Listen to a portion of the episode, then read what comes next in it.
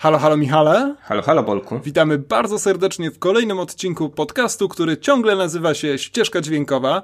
Odcinku, w którym podsumowujemy, odkrywamy, nadrabiamy, no chyba i narzekamy jeszcze trochę. Te cztery słowa chyba najlepiej oddadzą to, co robiliśmy przez ostatnie dwie godziny, prawda?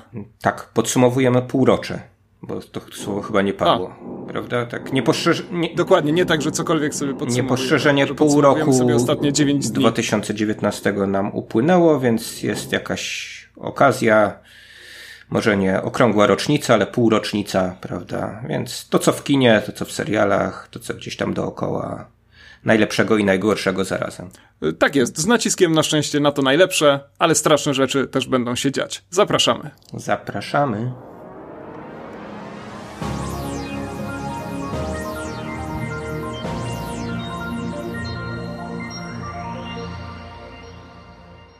Zanim przejdziemy do konkretów, czyli w naszym przypadku, jak zwykle, trochę nudno, filmów i seriali, najpierw kilka takich króciutkich informacji, to znaczy, po pierwsze, pochwalimy się, że przekroczyliśmy nasz debiutancki tysiąc polubień na Facebooku, co jest e, szczególnie istotne, bo ja na przykład słucham wielu podcastów, a rzadko lajkuję je na Facebooku, ponieważ w aplikacji dostaję powiadomienia o tym, że jest nowy odcinek, więc bardzo się cieszymy, że ktoś postanowił nas polubić. Szczególnie dziękujemy tej grupce naszych najwierniejszych e, fanów i fanek, którzy zmotywowali się, żeby dać nam to tysięczne polubienie, bo w pewnym momencie stanęliśmy na smutnych 999 polubieniach. E, Michał, czujesz satysfakcję? A dlaczego, dlaczego to jest smutne? 999 jest wspaniałą liczbą. Na odwrót byłoby wspaniałą ja liczbą. Został, zostawił to.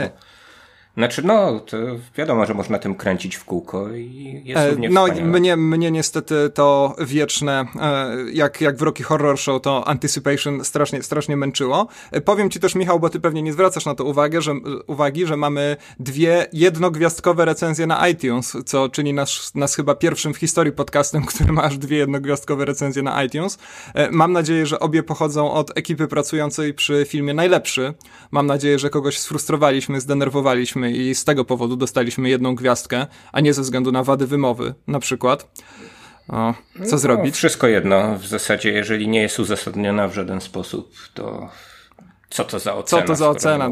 Dokładnie, nie przejmujemy się. W ogóle, w ogóle się nie przejmujemy. Ale obie mniej więcej w tym samym czasie powstały? nie, jedna powstała się? po najlepszym, a druga pojawiła się dużo, dużo później, ale odcinek o Aha, najlepszym ciągle od, funkcjonuje, od... więc ktoś mógł O tej znaleźć. pierwszej mi tam chyba kiedyś nawet... Wypłakiwałem, wypłakiwałem ci się e, i rozdzierałem szaty, więc e, zachęcamy do wys wystawiania nam ocen nie jednogwiazdkowych na iTunes e, i... No ale o takich nie, niejednogwiazdkowych potem nie mówimy na antenie, więc nie wiem, może Aha, tym no zachęcamy tak. jednak, że, żeby wystawiać te jednogwiazdkowe, tak. prawda? I dopiszcie jeszcze jakąś o, okrutną recenzję i wtedy na pewno przez łzy, łykając o. te łzy, będziemy usiłowali Super. czytać ją na, na antenie. Czekamy na hejt. Czekamy na hejt, tak jest. I ostatnia informacja to to, że w te wakacje w lipcu i sierpniu podcast pewnie będzie ukazywał się nieregularnie. Udało nam się przez jakiś czas, aż do końca czerwca utrzymywać tę dwutygodniową e, rutynę. No teraz najprawdopodobniej od tego troszkę odejdziemy, bo się rozjeżdżamy, zobaczymy, zobaczymy co z tego e, wyjdzie. E, no i tyle. Tyle z ogłoszeń. Michał, chyba, że chcesz coś od serducha jeszcze dodać.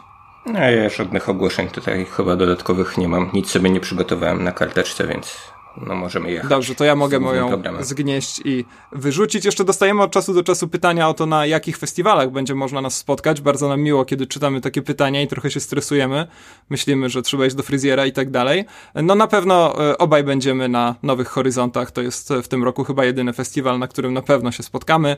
A jeżeli chodzi o jakąś resztę, no to warto nas śledzić na Facebooku. Tam, tam, tam piszemy czasem o swoich e, wojażach festiwalowych. No dobra. Ja mhm. na 99% będę w zwierzę Zwierzyńcu, jak zawsze letnia Akademia Filmowa smaczna i zdrowa. Zapraszam. Tak, zawsze polecamy. Ja być może też, znaczy ja na pewno na kilka festiwali, na jakieś takie fragmenty się przyjadę, przejadę w tym roku. Zaszokował mnie Transatlantyk łódzki, który sprowadza do siebie Arturo Ripsteina, no, takiego bardzo znanego meksykańskiego reżysera, o którym ja kilka razy na łamach tego podcastu wspominałem, więc pewnie pojadę gdzieś tam, spróbuję go dotknąć z ukrycia, zobaczę, co z tego wyjdzie. No ale dobra, koniec wakacji, czas przejść do poważnych rozważań. Celem dzisiejszego odcinka jest trochę sobie podsumować, trochę sobie wygrzebać takie filmy, o których których powinniśmy powiedzieć, ale nie powiedzieliśmy.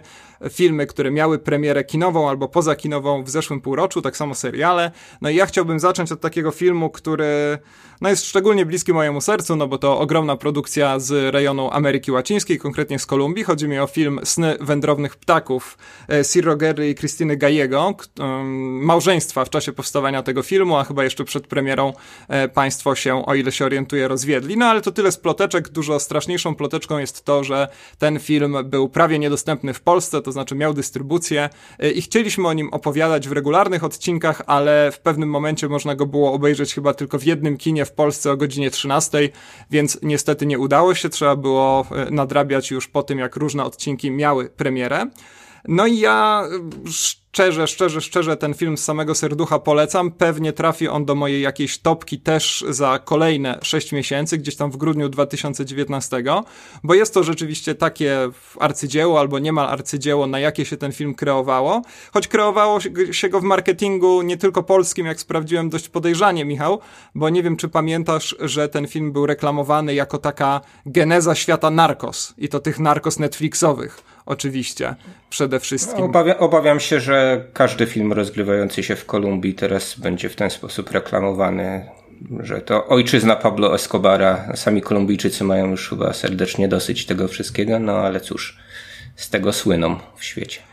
E, no tak, to jest e, temat pewnie na zupełnie e, inną dyskusję, a także minimum jedną ciekawą pracę licencjacką, którą ostatnio o tym właśnie czytałem, ale tutaj trzeba powiedzieć, że ten film rzeczywiście w jakiś tam sposób, no nawet w bardzo konkretny sposób, dotyczy początków narkobiznesu w Kolumbii i także w ogóle w całym regionie, ponieważ zaczyna się to gdzieś tam pod koniec lat 60., kiedy rzeczywiście mm, główny bohater, który jest tam przedstawicielem takiego plemienia, które być może czyta się Waju, być może Łaju, jego nazwę, nie wiem niestety, ale w każdym razie jest to takie rdzenne plemię, plemię które przetrwało, jak wiele zresztą tych plemion latynoamerykańskich inwazję hiszpańską, no i zachowało gdzieś tam jakąś swoją odrębność kulturową, no i ono rzeczywiście zaczyna wchodzić w coraz większe kontakty ze światem gringos, którym, któremu poszczególni przedstawiciele sprzedają marihuanę, no i po prostu zaczynają się pojawiać tam te kojarzone właśnie przede wszystkim z, z, z rzeczywistością narkos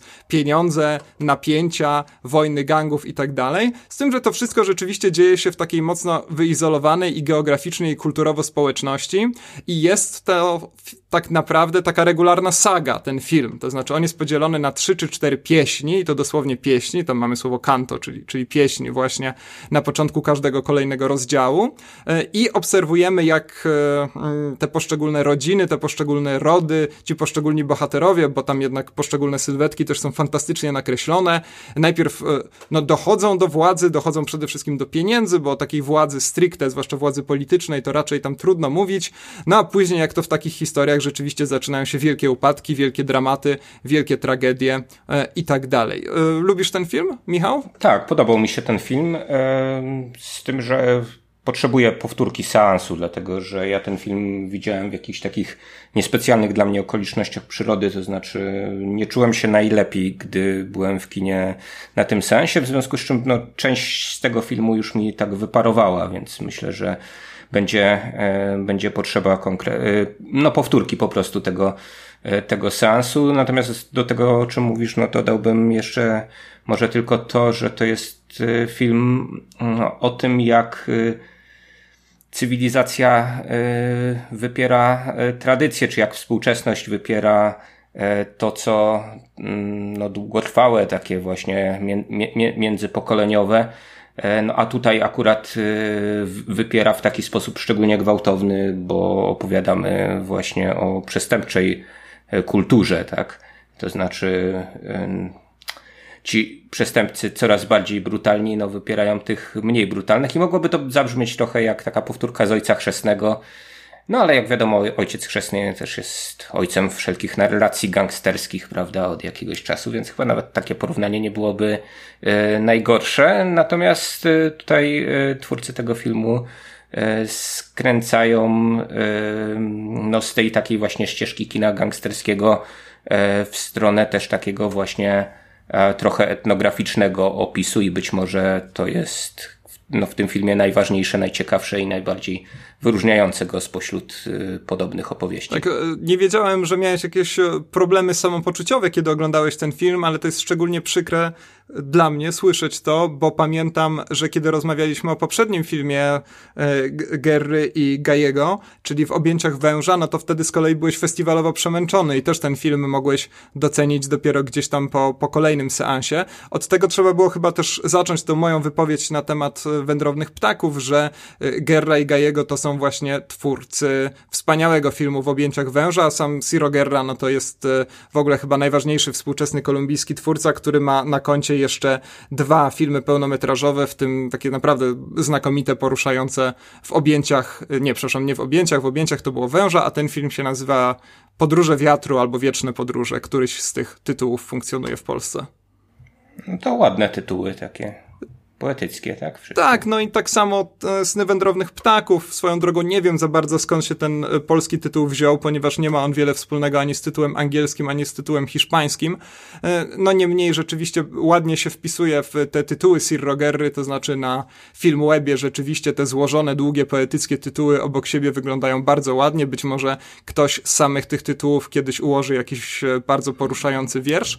No i sam film tak, też widzę, jest... Widzę, że jeszcze cień, cień przechodnia Cień przechodnia tak, tak to debiut chyba w ogóle. A żeby, żeby, żeby dopowiedzieć do tego, o, w ogóle. Nie wiem, mm -hmm, do tego, o czym mówisz y, przed chwilą, no w oryginalnym tytule nie ma tych snów w ogóle, prawda? E, tak, są tylko ptaki i lato, więc e, mhm. nie, wiem, nie, nie wiem za bardzo skąd się te sny wzięły, ale one jakoś pasują do tego, że ta historia jest rzeczywiście momentami tak wydawałoby się odrealniona, ale absolutnie nie możemy to mówić o tym, co nam się niestety ciągle tak automatycznie kojarzy z tego typu opowieściami dziejącymi się zwłaszcza w Kolumbii, zwłaszcza u ojczyzny e, Garcia Marqueza, czyli z takim prymitywnie pojmowanym realizmem magicznym. Ten film, w ten film po prostu zostały pięknie wplecione takie elementy elementy, które być może nie do końca dają się wytłumaczyć w racjonalny sposób, ale one e, absolutnie, absolutnie nie popadają w taką tendencyjność tego, co zwykliśmy nazywać realizmem magicznym, więc to jest, no to jest kolejna zaleta tego filmu. E, I warto też dodać, że Natalia Reyes, która gra w tym filmie żonę głównego bohatera i w gruncie rzeczy to wprowadzę taką męską narrację, przyczynę tego całego zamieszania, e, będziemy mogli zobaczyć w nowym Terminatorze, bo tam gra w ogóle jedną z głównych ról, więc bardzo miło, że jej kariera się um, rozwija, no bo w filmie Gary Gajego jest znakomita, choć nie ma dużo do powiedzenia i dużo do pokazania.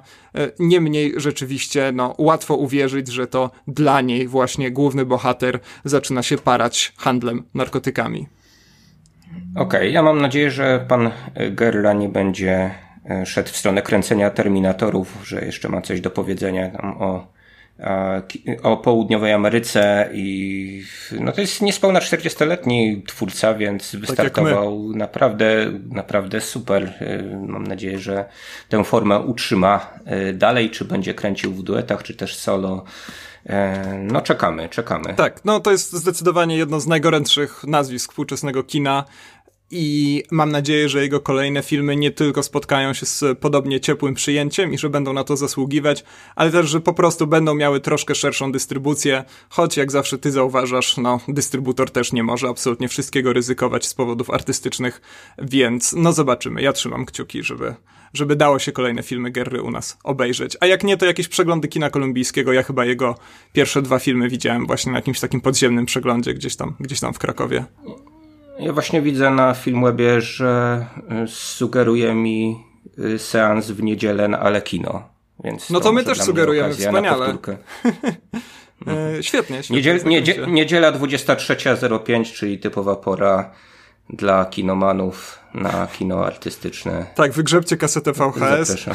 nagrajcie to i, i z, rana, z rana sobie zobaczcie. A propos oglądania filmów z rana, to zmienię radykalnie e, klimat i powiem, że jestem bardzo zły, że nowi faceci w czerni zebrali tak fatalne recenzje, że aż, że aż odstraszyli mnie od kina, ponieważ pierwsza część Facetów z czerni to był bardzo długo mój w ogóle ulubiony film, kiedy byłem bardzo małym dziecięciem e, i pamiętam do dzisiaj, że mój tata przyniósł ten film z wideo Limbo, wypożyczony oczywiście tylko na jedną dobę, dobę i ja wstałem chyba o piątej rano, żeby zobaczyć ten film po raz drugi, zanim tata wychodząc do pracy weźmie ten film do wypożyczalni. Więc to a propos A propos, hmm. Nie wiem, a propos VHS-ów, nie wiem a propos czego opowiadam tą anegdotkę, ale chciałem się No podzielić. nie, ale cieka ciekawa anegdotka. Myślę, że słuchacze, jeżeli mają jakieś najdziwniejsze pory, kiedy oglądali e, filmy, to mogą się z nami też podzielić. O piątej rano to ja chyba nic nie oglądałem, zresztą no, przez długi czas wyznawałem tę zasadę, że mm, seans filmowy przed e, południem to jak flaszka wódki przed południem. Tak, tak jak Biblia uczy tego praktykować. Wina. Tak, no ale jakoś, jakoś nie wiem, ostatnio mi się złożyły jakieś pokazy prasowe przed, przedpołudniowe. A, to jest koszmar. No. się odbywają. E, no i nie było, nie było tak źle, wbrew pozorom. Różnie. E, różnie bywa, to już zależy. Zmieniać to się. Tak, e, no dobra, no to ja wyciągnąłem ten film i to jest moje pewnie największe odkrycie, wliczając jakby w to filmy, których nie opisaliśmy jeszcze na łamach tego podcastu. A ty czym odpowiesz, Michał? Jakim efektownym tytułem? No właśnie, jeśli chodzi o te filmy kinowe, to może tutaj nie będzie jakiejś e, specjalnie długiej riposty, bo tak sobie wypunktowałem te filmy, które mi się najbardziej podobały podczas tego półrocza, no i znakomita większość tych filmów to są filmy przez nas omówione, tak, więc świetnie programujemy podcast. Do, Gratulacje do, do innych naszych odcinków. E, mianowicie to takie filmy jak Faworyta, Green Book, e, Free Solo, Szczęśliwy Lazzaro, i Bracia Sisters. To są te filmy, które mi się najbardziej podobały podczas y, tego półrocza, które które za nami. Ale o braciach Sister nie mówiliśmy, także gdybyś, gdybyś podzielił się krótko swoimi wrażeniami, ja tylko dodam, że nie udało mi się obejrzeć tego filmu, chciałem iść, o znowu mój tata wraca w tym podcaście, chciałem iść na ten seans, seans z moim drogim ojcem właśnie, ale jakoś się tak rozmijaliśmy i w rezultacie żaden z nas tego filmu nie zobaczył. Mhm. Mamy czego żałować, jak rozumiem. E, no niewątpliwie tak, tak. No, polecam do nadrobienia szybkiego.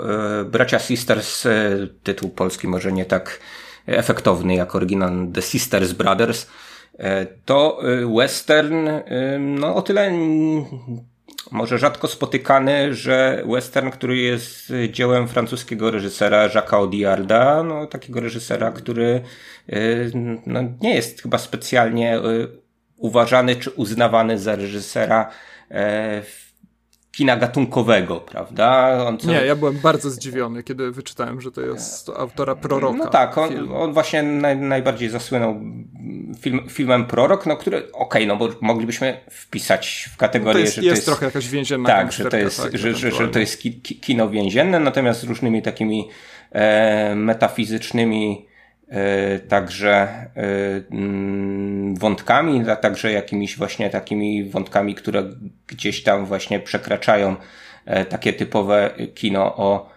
o osadzonym. No i tutaj właśnie jakaś taka, ta, taka, taka zupełna niespodzianka, że tenże Odiard, skądinąd twórca wielu, wielu świetnych filmów, być może kiedyś no, będzie okazja, żeby sobie o Diardzie coś więcej powiedzieć, dlatego że to jest taki e, reżyser, który mnie jak do tej pory w zasadzie nie zawiódł. Ja nie widziałem tylko jego pierwszych dwóch filmów. E, Patrz jak idą na dno, tak się nazywał jego debiut i Wielce skromny bohater to był jego drugi film. Natomiast takie filmy jak Na moich ustach, W rytmie serca, E, imigranci, czy prorok właśnie wcześniej wymieniony. No może mniej Rust and Bond, to taki film, który najmniej się z tych wszystkich podobał, ale wszystkie, mhm. wszystkie warte uwagi, także, także całą filmografię Jacques'a Odiarda mogę polecić szczególnie. No a y, tutaj y, no tym bardziej y, szapoba, że udało mu się ten anglojęzyczny film w takiej właśnie międzynarodowej obsadzie, koprodukcja, która no też trochę jakoś tak właśnie dziwnie e, łamie konwencję, jest takim westernem komediowym, takim trochę w stylu może braci Cohen, e, trochę tam czarnego humoru w tym wszystkim mamy, ale dużo też takiej egzystencjalnej zadumy, także e, no, bardzo ciekawe kino e, pod, pod względem tego, jak, jak, jak balansuje na e, różnych poziomach emocjonalnych, a zarazem, zarazem właśnie gdzieś tam się e, nie wykrzacza no, po, po, po, pomiędzy właśnie tym, e, tym humorem a, a powagą. Za moment sobie chyba trochę więcej porozmawiam o filmie Jordana Pila, to my, gdzie właśnie to się niespecjalnie udało, a tutaj, tutaj Jackowi Odiardowi ten film absolutnie, absolutnie wyszedł. Na, na, na, o, o fabule się chyba nie będę rozwodził jakoś specjalnie na ten film, jednak pięć miesięcy temu mieliśmy, mieliśmy w kinach polecam nadrobić. Nie widzę, żeby Ale Kino akurat prezentowało, ale myślę, że już gdzieś tam w telewizji, na Blu-rayach, na, na, na płytach DVD do zdobycia. Także. Bra o, brzmi jakbyś zapowiadał konkurs, ale niestety Ko nie mamy dla was żadnego konkursu. No może, może, może dystrybutor mieli. nas usłyszy i nas jakimiś tam płytami poratuje, tak? Kiedyś będziemy rozrzucać te płyty. I gadżetami, wyślijcie nam jakieś gadżety. Koniecznie. E, dobra, no to, to jest film, który ja na pewno będę nadrabiał. E, to a propos tego pewnego komediowego wymiaru braci Sisters, trzeba dodać, że tam John C. Reilly gra jednego z braci Sisters. Jasne, ale... Co dla wielu powinno być wystarczającym argumentem, żeby zobaczyć ten film. Jasne, ale właśnie paradoksalnie trochę tak e, w poprzek swojego emploi tutaj John C. Reilly no w takiej, w takiej jednak... Okej, okay, on, on ma jakieś tam pojedyncze takie sceny komediowe mhm. z, pająk, z pająkiem. Nie, nie, nie, nie, nie tak, no takie powiedzmy trochę slapstickowe, natomiast, y, natomiast postać dość, dość tragiczna jednak y, koniec końców, by tu y, za bardzo nie spoilować. No i znowu jakieś, tak jak, tak jak w proroku, właśnie to mamy trochę złamane takie realistyczne konwencje.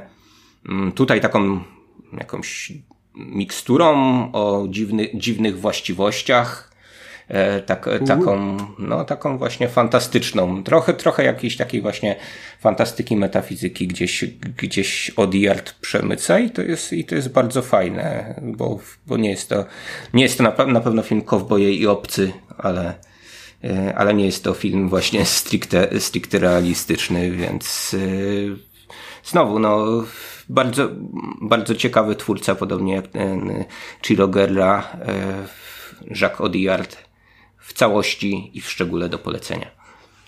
Podoba mi się, że być może wymyśliliśmy jakąś nową dla tego podcastu w każdym razie kategorię oceniania filmów. No, nie są to kowboje i obcy może, ale ale i znaczy, tak, ale i tak. No to może zobaczyć. źle zabrzmiałem, no na szczęście nie są to kowboje i obcy, tak, bo kowbojów i obcych to nie polecam nikomu. Wszyscy, wszyscy pamiętamy tą e, fascynującą konfrontację Harrisona Forda i chyba Daniela Craiga, tak? E, o ile, tak, tak. o ile dobrze sobie przypominam. E, a a propos, tu bardzo sprytne przejście, aktorów, których kojarzymy raczej z komediowym emploi, ale tak naprawdę znakomicie radzą sobie również w rolach ponurych i tragicznych, to może wyciągniemy film, który nie pojawił się niestety w polskich kinach. Pojawił się w kinach amerykańskich, ale tam poniósł natychmiastową klęskę, więc być może dlatego nikt nie myślał o tym, żeby go sprowadzać. Zapomniałem już od czego zacząłem to przejście. Od aktorów, którzy kojarzeni są z komedią, ale grają też ponuraków. No, więc chodzi o Johna Goodmana w filmie Captive State. Mhm. Po prostu. E, w filmie Captive State, który ma, ma polski tytuł według Filmwebu, więc być może gdzieś tam się pojawił, może był na jakimś Amerykanie tak, on, albo on coś. Już, on już tak? został na płytach DVD wydany z tego, co się orientuję. A, no to, no to fantastycznie. To znowu nie rozdajemy tych płyt, ale zachęcamy do, zachęcamy do, do szukania. No ja na pewno no, będę Pod tytułem Rebelia, od razu powiedzmy. Tak. I to jest fajny tytuł swoją drogą. To znaczy jest super generyczny i banalny, ale wydaje mi się, że jest nawet lepszy niż ten tytuł oryginalny, jeżeli chodzi o treść filmu.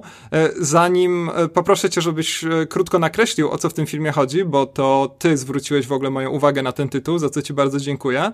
To powiem tylko, że to jest film wyreżyserowany przez Raperta Wyatta. A Rapert Wyatt to jest trochę taki pieszczoszek e, tego podcastu, to znaczy my się na, nad nim często pochylamy i go tak trochę głaskamy po główce i myślimy, naprawdę jesteś zdolny, jeszcze, jeszcze będzie lepiej, ponieważ e, często wracamy do jego pracy przy filmie Geneza Planety Małp, był reżyserem rebootu serii e, i no, odwalił fantastyczną, fenomenalną robotę, to znaczy ten film jest wybitnie wyreżyserowany, a później Rapert Wyatt troszkę zniknął i my od czasu do czasu sprawdzaliśmy, co się z nim dzieje, gdzie tam pracuje w telewizji i tak dalej, no a ten Captive State to może nie jest jakiś jego wielki powrót, zwłaszcza, że on jakiś tam film jednak w międzyczasie zrobił, no i ten film nie odbił się żadnym echem, więc trudno to mówić o wielkim powrocie, ale chociażby ze względu na nazwisko raperta Wyatta, czyli Wyatt, e, warto na niego zwrócić uwagę. A co to jest za rzecz, o, Michał? To może z, z, zanim o tym, to pomiędzy Genezą Planety Małp a Rebelią był film Gracz y, z, tak, z, Mar-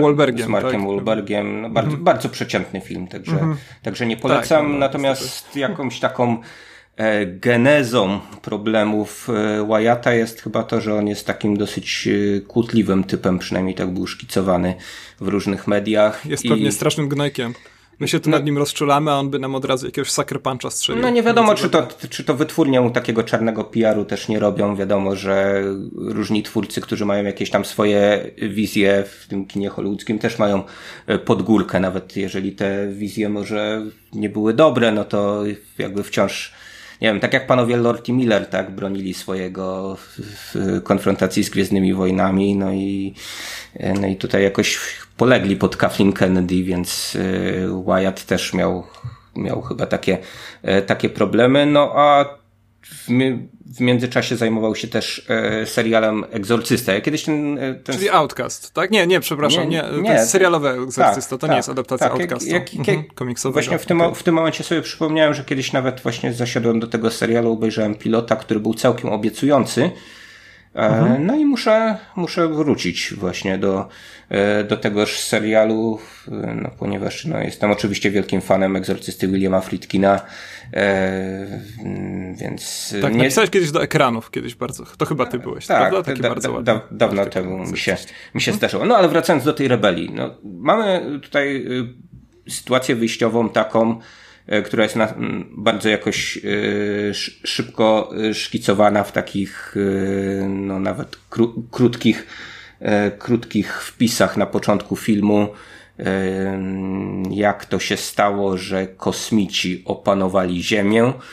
No i tę Ziemię kontrolują. To nie jest tak, że mamy do czynienia y, tutaj z jakąś y, taką otwartą walką z kosmitami. Nie mamy powtórki z Dnia Niepodległości. Żaden prezydent amerykański e, nie wsiada e, na pokład myśliwca i nie prowadzi e, swoich dzielnych rodaków do, do walki z tymi najeźdźcami, no tylko najeźdźcy zwyciężyli, podporządkowali sobie ziemian, wszczepili chipy, za pomocą których kontrolują e, położenie e, wszystkich, wszystkich, wszystkich jednostek. E, ziemskie służby w zasadzie są na usługach tychże obcych. No, oni sobie tak wiszą w zasadzie nad, nad naszą planetą w formie takich zawieszonych skał, tak przypominają tej wehikuły, tak, coś takiego.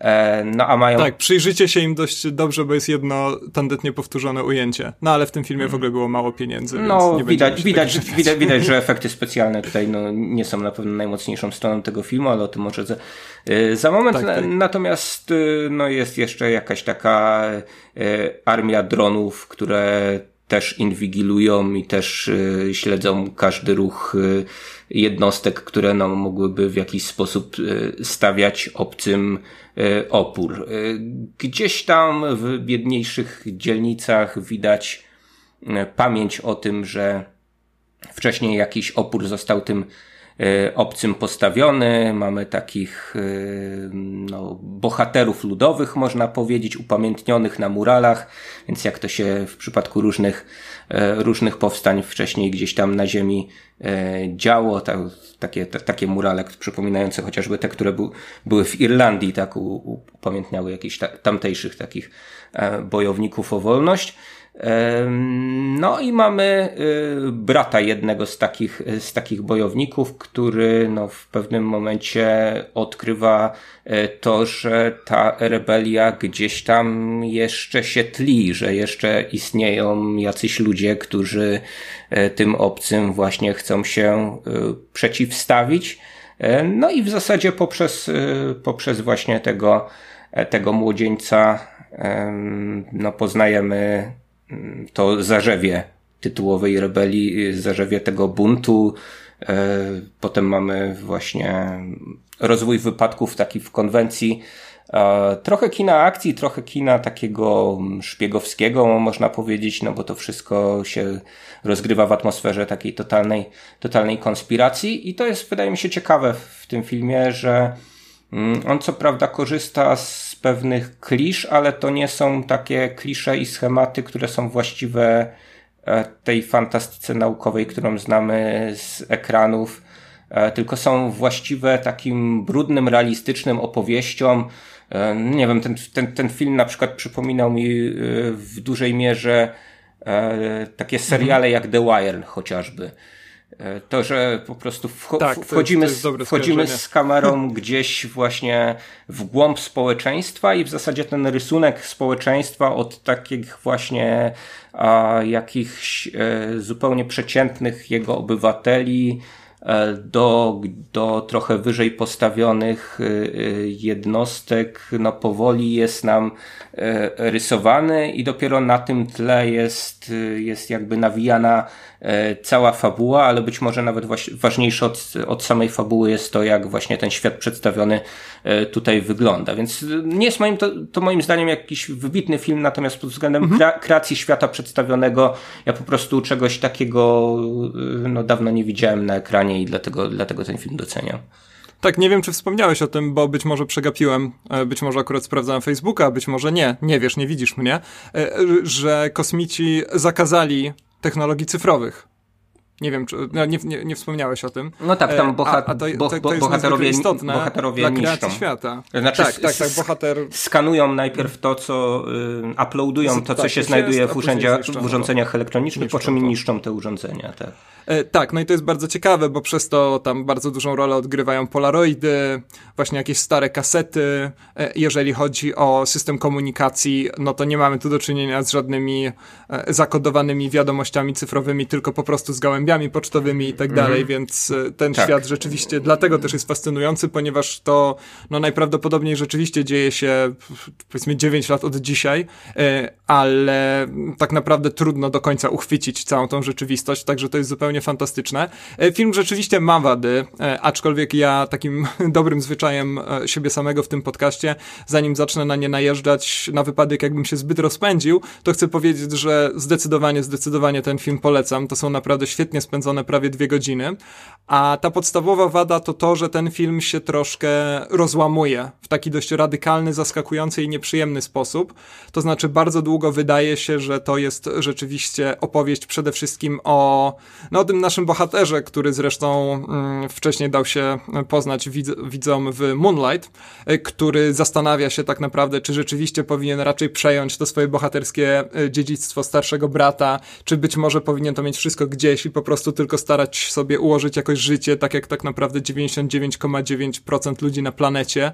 Y, a nagle zupełnie dosłownie porzucamy tego bohatera. Sam film zmienia się no niemal o 180 stopni i zaczyna być zapisem z akcji komórki terrorystycznej. Po prostu. E, I to jest dla mnie duży problem, ponieważ z jednego bohatera, na którym jesteśmy wyraźnie skupieni, nagle nasze skupienie zostaje rozproszone na, na kilku, a może nawet kilkunastu bohaterów. E, I no, to kilku, w rezultacie. Kilku, bez kilku, tak, tak, tak. No chciałem tak dramatycznie zabrzmieć, ale rzeczywiście no tych e, dziesięciu raczej nie przekraczamy. I to ciągle daje radę, to znaczy ten film ciągle się ogląda w dobry, w, w taki bardzo przyjemny sposób, w tym sensie, że nie tracimy wątku, wiemy, kto jest za co odpowiedzialny i tak dalej, ale jednak ten pewien ciężar psychologiczny z tego filmu nagle spada. I to mi się bardzo to, to bardzo by mi się nie podobało, gdyby nie właśnie maestria, z jaką ta druga część filmu, choć to jest pewnie jakieś dwie trzecie filmu tak naprawdę, y, została opowiedziana. Bo scena, kiedy, czy też sekwencja, w której chociażby oglądamy, jak przekazywane są informacje w ramach tej komórki hmm. terrorystycznej, jak oni szykują się do rozpoczęcia jednej z akcji, to jest majstersztyk po prostu. Tam się niby nic nie dzieje, tam ktoś coś publikuje w gazecie, a ktoś wyprowadza psa na spacer, ale ja miałem szczękę gdzieś y, w okolicach trzech pięter niżej niż powinna być.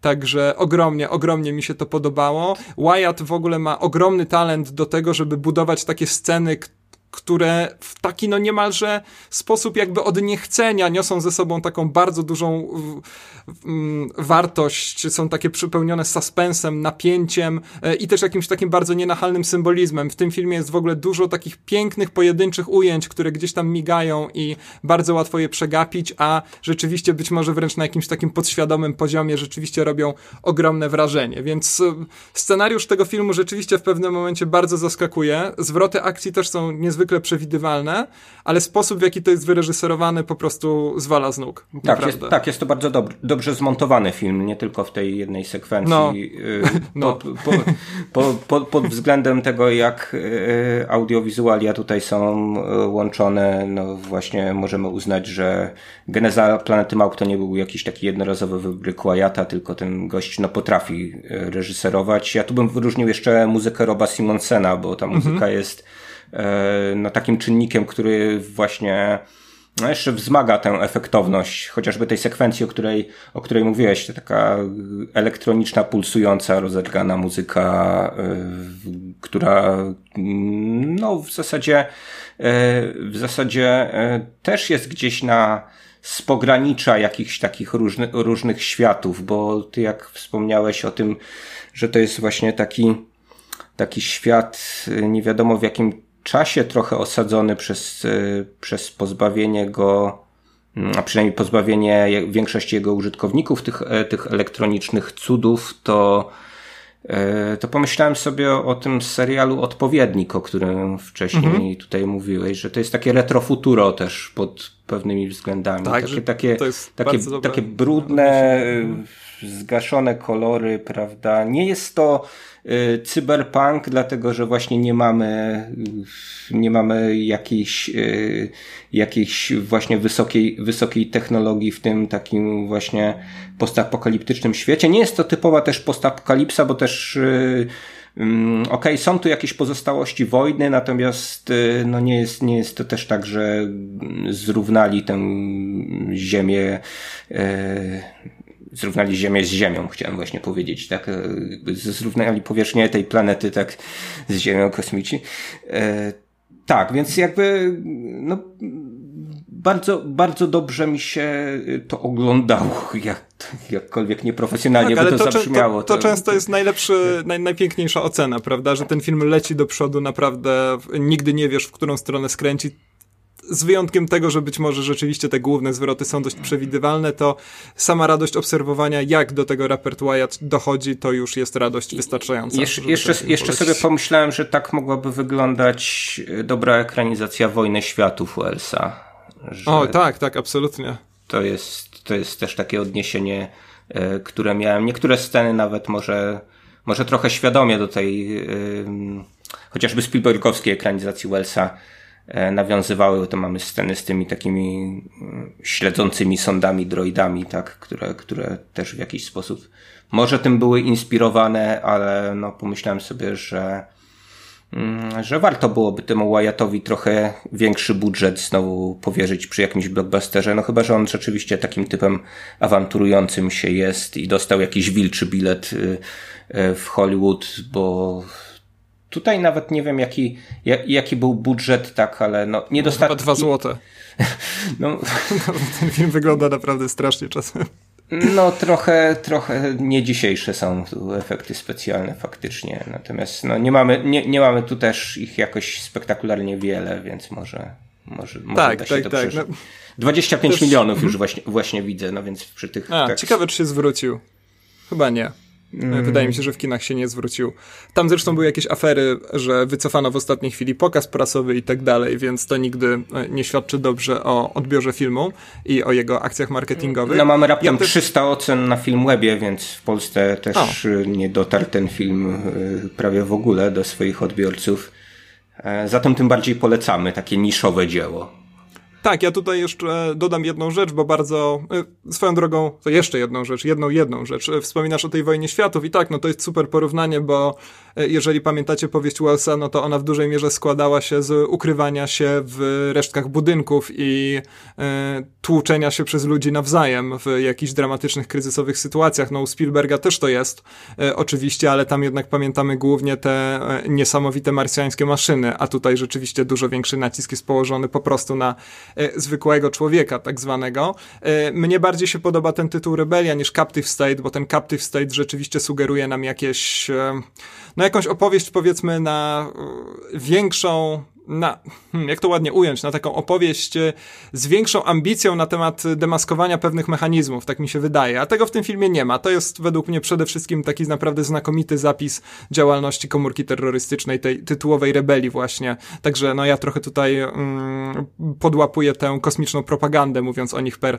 terroryści, ale, ale co zrobić, skoro już kosmici nami rządzą, to być może warto y, się im podporządkować. Ja, ta pierwsza jedna rzecz, którą chciałem dodać, dotyczyła scenariusza, ponieważ bardzo na niego narzekałem, a tam są jednak dwa świetne rozwiązania i takie, które być może warto gdzieś tam w tych przysłowiowych szkołach filmowych pokazywać. To znaczy na pewno otwarcie tego filmu i pokazanie nam niemal od razu to, tego, na co wiele osób będzie czekać i co może zepsuć trochę przyjemność seansu, który jest oparty właśnie w dużej mierze na, no, na takim mm, konstruowaniu niezwykle skomplikowanych zależności. A druga rzecz, która mi się ogromnie podoba, to chyba najsprawniej przeprowadzona ekspozycja w dialogach, jaką słyszałem od bardzo dawna. Ona jest niestety trochę zepsuta przez ten wstęp, przez tę czołówkę w formie wiadomości, e, o której wspomniałeś, bo ta wiadomość nam tłumaczy absolutnie wszystko. Na szczęście ta wiadomość ma później rolę fabularną, to nie jest tylko i wyłącznie jakiś dodatek od producentów filmu, którzy przestraszyli się, że nikt niczego nie zrozumie, w każdym razie ja mam takie wrażenie, ale mamy tam scenę, kiedy dwóch bohaterów na samym początku pierwszy raz widzi no, takie siedlisko tych kosmitów, nazwijmy to w ten sposób, widzą to z czy jakiegoś wzgórza, czy dachu budynku, teraz dokładnie nie pamiętam, i wymieniają ze sobą dwa, trzy zdania, które od razu informują nas o backgroundzie głównego bohatera, o sytuacji Ziemi, o roli kosmitów i tak dalej. I to jest e, naprawdę majstersztyk, także e, polecam też oglądać ten film, mimo mojej krytyki scenariusza z notatnikiem w ręku, bo początkujący scenarzyści być może na takim poziomie detalu będą chcieli coś z tego filmu zaczerpnąć, więc Super, unoszę teraz dwa kciuki w górę, jakby ktoś nie widział. Polecam okay, ten film. Okej, okay, okej, okay, okej, okej. Najlepszy chyba mały film o kosmitach od czasu ataku na dzielnicę, tak, tak mi się wydaje. A, jeśli nie, jeśli no tak, nie znacie, to też obejrzyjcie. Rzeczywiście, zupełnie zapomniałem o ataku na dzielnicę, co jest o tyle dla mnie nieprzyjemne, że przecież e, Cornish, czyli autor ataku na dzielnicę, e, niedawno wypuścił swój nowy film, który też chyba nie będzie miał żadnej polskiej dystrybucji, ale to już e, zostawiam naszym widzom, żeby się za tym pogrzebali. Mo, mo, możemy obejrzymy ten film, jeżeli okaże się dobry, to go omówimy. O, tak możemy się omówić? No nie wiem, Michał. No dobrze. Nie, nie możemy dobrze. się tak umówić. No, nie, no, no, trudno, no to, no to niech, na potrzeby, niech słuchacze oglądają. Te, tego i teraz to, to się tak umówmy. E, dobra, to co, zostawiamy kino, czy chciałbyś jeszcze coś e, z filmowych rzeczy dorzucić do tych naszych odkryć, ukośnik podsumowań? Nie, to może tyle. Wydaje mi się, że udało nam się mm, zdążyć z naszymi tutaj odcinkami e, w taki sposób, żeby właśnie nie, nie uronić gdzieś po drodze tych takich najważniejszych y, filmów kinowych, no ale liczymy też na więcej w drugim półroczu, bo y, jakoś spektakularnie dużo ich tutaj chyba nie było. Tak, nagrywamy ten e, odcinek, no ty już widziałeś na krakowskim pokazie prasowym Midsommar. E, warszawski pokaz prasowy, na który zresztą i tak się nie wybieram, Midsommar odbywa się jutro, więc e, tego filmu, no pewnie jednego z najbardziej oczekiwanych filmów tego lata na razie nie umówimy, ale być może do niego wrócimy, jeżeli będzie warto w kolejnych odcinkach. No ja liczę na to, tak. Dobrze. To co z telewizji, Michał, w takim razie przejdźmy do tego gorszego filmu tak zwanego, czyli seriali. A nie, przepraszam, bo seriale to teraz są jak powieści XXI wieku i mamy siódmą złotą erę telewizji. Nie, już chyba na szczęście nikt tak nie mówi.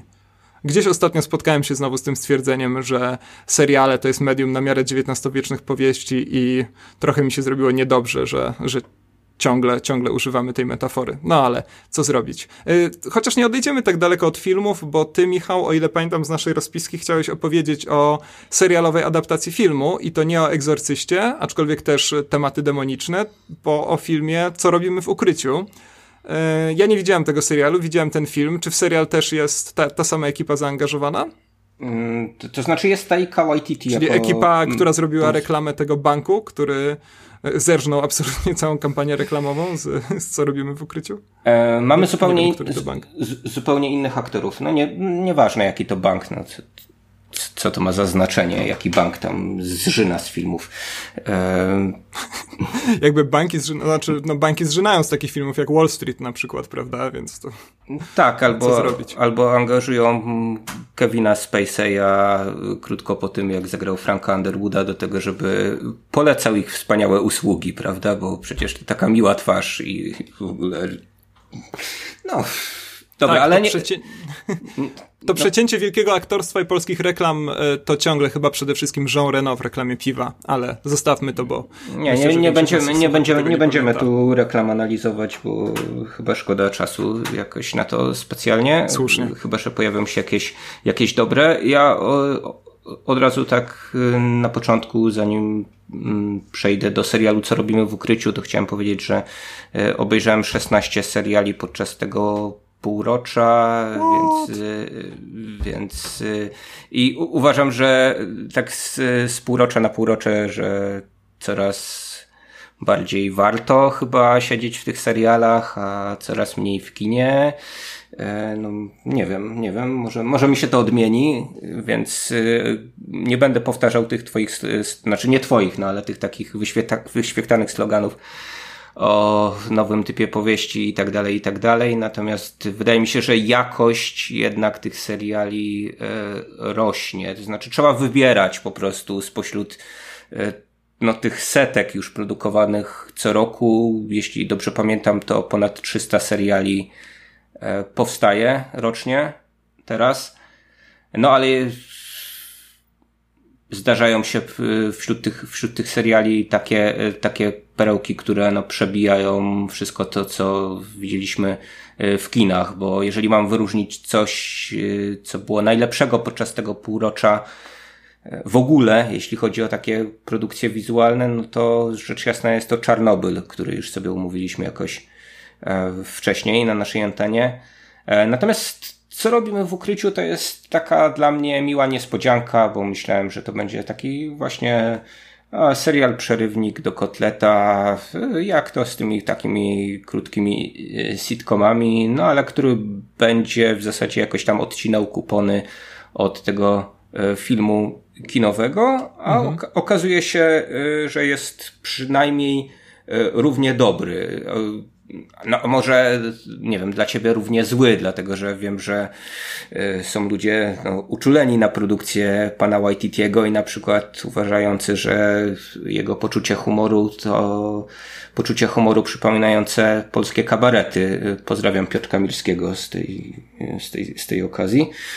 Natomiast ja wcale tak nie uważam, to znaczy uważam, że, że YTT jest no, jedną z lepszych postaci, które się popkulturze przydarzyły i to, czy on działa e, w kinie superbohaterskim, jak w przypadku Tora, czy w kinie e, gatunkowym innego sortu, jak w przypadku chociażby właśnie co robimy w ukryciu, mm, no to sprawia, że jeszcze, jeszcze te takie wyświechtane konwencje e, warto w jakiś sposób śledzić. No bo wydaje się, że w przypadku wampirów no wszystko zostało już absolutnie powiedziane, ale też obśmiane, poddane różnego rodzaju obróbką, pastiszą, parodią i tak dalej. Natomiast e, tutaj YTT jeszcze wyciąga E, jakieś rzeczy, które z jednej strony znamy, no bo mamy tu jakieś właśnie takie typowe, typowych przedstawicieli e, takich ekranowych wampirów, no, czyli, czyli, czyli takich rodem, rodem z Transylwanii, e, nie, nie dzisiejszych, nie dzisiejszych typów, natomiast z drugiej strony oni są skonfrontowani ze współczesnym amerykańskim światem. No i z tej konfrontacji no, bierze się sedno chyba humoru, które, e, które tutaj, tutaj mamy. Oni trzymają się oczywiście jako mocni konserwatyści e, swojej tradycji. No, z drugiej strony no, muszą się borykać e, z tym światem hipsterów, z tym, że właśnie trzeba szukać swoich ofiar na jakichś męczących dyskotekach, z tym, że no, co, coraz, coraz trudniej o dziewicę i tak dalej, i tak dalej. To, skecze czy tam gagi Waititiego czasami są na e, różnym poziomie, natomiast e, jakby ten świat wykreowany e, jest no, na tyle spójny, na tyle, na tyle zabawny, że mm, wydaje mi się, że warto z tym serialem spędzić te kilka godzin. Co jeszcze jest istotne tutaj? Aha, no trzymamy się cały czas tej formuły, jeśli ktoś nie widział e, filmu kinowego, takiego mockumentary, tak? Czyli, czyli fałszywego, mhm. fałszywego dokumentu. Cały czas. Tak, bo wampiry nie istnieją jednak. Nie istnieją? No dobrze, to o tym sobie porozmawiamy poza anteną, o, twoich, o twoich dziwnych poglądach. Naszych, na naszym, w naszym drugim podcaście o zjawiskach paranormalnych. Tak? Na, natomiast tutaj mamy symulację tego, że jest autentyczna ekipa filmowa w tym domostwie, w tej kamienicy, w której mieszkają, mieszkają wampiry. No od czasu do czasu tam no, zdarzy się jakiś wypadek, no i ktoś, nie wiem, yy, zabije przypadkiem dźwiękowca chociażby i trzeba, trzeba nagrywać odcinek właśnie w jakichś takich słabych warunkach akustycznych, więc tego typu takie metafilmowe żarty też tutaj mamy e, zachowane. Pod względem formalnym być może niewiele tu jest dodane do tego, co, e, co widzieliśmy e, w filmie, natomiast natomiast no humor, no przede wszystkim, no nie wiem, mnie śmieszy, o tak, od, od, od, od, od tego możemy zacząć, no a po drugie, no jeżeli jesteś jakimś właśnie takim e, chociażby domorosłym wampirologiem i obejrzałeś, obejrzałeś wszystko, co się da z, z Belą Lugosim i Christopherem Lee, no to te wszystkie właśnie smaczki intertekstualne, wszystkie nawiązania e, tutaj, tutaj naprawdę e, dają radę, nie są jakoś przestrzelone, e, nie ma jakiegoś specjalnie kloacznego humoru, jakiegoś takiego poniżej, po, poniżej dobrego smaku, więc na tle współczesnych, współczesnych sitcomów wydaje mi się, że tak, to już, gdzieś to już czołówka, czołówka, czołówka. E, to jest e, w ogóle dla mnie bardzo ciekawe zjawisko to serial i jednocześnie rzecz, której na pewno dam szansę, ponieważ ja lubię, co robimy w ukryciu, ale nie dałem rady obejrzeć tego naraz. E, wydaje mi się, że obejrzałem to chyba w trzech częściach, e, czyli podzieliłem ten film tak naprawdę na takie odcinki serialu e, i wtedy zdecydowanie łatwiej mi ta rzecz wchodziła, więc być może serial jest dla mnie rzeczywiście drogą. No być może YTT poczuł, że, że ta formuła jest y, lepsza nawet dla tego typu opowieści, no bo to jest trochę taka formuła, wiesz, tego starego sitcomu, który rozgrywa się w jakimś jednym mieszkaniu w jednym domu. No to są tacy przyjaciele, tak, tylko wampiryczni przyjaciele, prawda, którzy muszą tam mieszkać. Tak, pod, zamiast pod... klaskania w piosence to zębami szczękają. Muszą, muszą mieszkać pod jednym dachem. Tutaj mamy jeszcze na przykład energet... Y, y, jak, jak to się nazywa? Wampir energetyczny, tak? Te, te, też. Tak, jest takie dodatek. popularne stwierdzenie, ale to jest jakiś, jakiś wymysł. Tak mi się wydaje. E, ale dobrze, to ja, e, to ja, ja, ja z, radością, z radością się z tym e, zapoznam. Tak jak mówię, film najlepiej mi wchodził, kiedy traktowałem go jako serial, także z radością spróbuję już z czymś, co jest no prawdziwym serialem. Dla, dla odmiany serialu możesz obejrzeć jako film, tak. E, tak, jako szatańskie tango. Właśnie jakoś e, niezwykle długie. E, dobra, super, no to mamy fajną polecankę w takim razie, ja na pewno z tego skorzystam. Jeżeli chodzi o telewizję, to ja miałem, ja przeżyłem bardzo duże zaskoczenie, ponieważ serialem, który chciałbym po pierwszej połówce tego roku wyróżnić, jest serial Doom Patrol. E, serial, po którym nie spodziewałem się absolutnie niczego dobrego. Ba, serial, którego bym nie obejrzał, gdyby nie to, że miał po prostu nadzwyczaj pozytywne opinie. E, jest to serial zupełnie wyjątkowy na tle aktualnych produkcji DC Comics, czy też tam Warnera, nie, nie wiem kto tam robi tą telewizję całą DC, nie orientuję się w tym od czasu, kiedy skończy się drugi sezon Arrow, który jeszcze z powodów troszkę e, prześmiewczych mia, mia, miałem przyjemność oglądać, ale no nie wychodzą te seriale i to zupełnie dosłownie nie wychodzą, to znaczy tak jak w przypadku chociażby Potwora z Bagien, gdzieś tam najpierw się skróci planowaną liczbę odcinków, by później serial w całości skasować, e, gdzieś tam ma pojawić się kolejny serial na jakiś ciekawy temat, również zaczerpnięty z tego uniwersum i też umiera zanim zdąży się poważnie narodzić, a Doom Patrol jest chyba jedynym przypadkiem w historii tego serialowego no uniwersum czy nie uniwersum, nie wiem dokładnie jak to działa, który w rezultacie, w każdym razie w pierwszym sezonie ma nawet więcej odcinków niż powinien. E, to znaczy widocznie produkcja szła tak dobrze i tam decydentom tak bardzo się to spodobało, że pozwolono zrobić więcej. No ale jakby. Więcej, czyli aż, aż, aż 15 jest. Chyba aż 15 jest, tak. Ja jeszcze nie obejrzałem całego sezonu, ale jest tego rzeczywiście bardzo dużo. Przyznam, że na razie się nie zmęczyłem, jestem chyba gdzieś na 11 odcinku, tak mi się wydaje. Aczkolwiek leci to cięgiem e, z HBO Go, więc e, już troszkę zatraciłem rachubę. Ale no, znajomość tych wszystkich problemów DC, nieduża, ale wystarczająca była dla mnie powodem, żeby od tego serialu raczej trzymać się z dala. A drugim powodem było to, że ja mam troszkę dość e, tych wszystkich serialów o dziwacznych superbohaterach.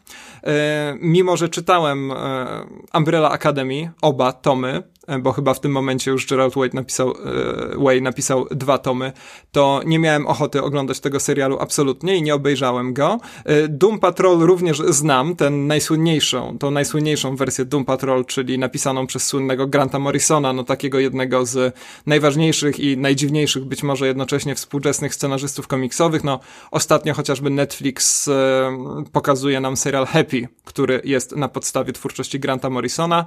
Grant Morrison jest rzeczywiście twórcą dziwacznym, bo jeżeli trafimy na jego dobry dzień, to dostaniemy fascynującą, wciągającą historię z odpowiednio intrygującą dawką dziwności, a jeżeli trafimy akurat na jakiś jego dzień, kiedy, nie wiem, eksperymentuje w domowym zaciszu z czarną magią, no to dostajemy rzeczy, które wchodzą w jakieś, na jakieś zupełnie inne poziomy odjazdów. Wydaje mi się, że jest nawet jakiś taki blok, który poświęcony jest tylko i wyłącznie tłumaczeniu, o co Grantowi Morrison, Morrisonowi mogło chodzić.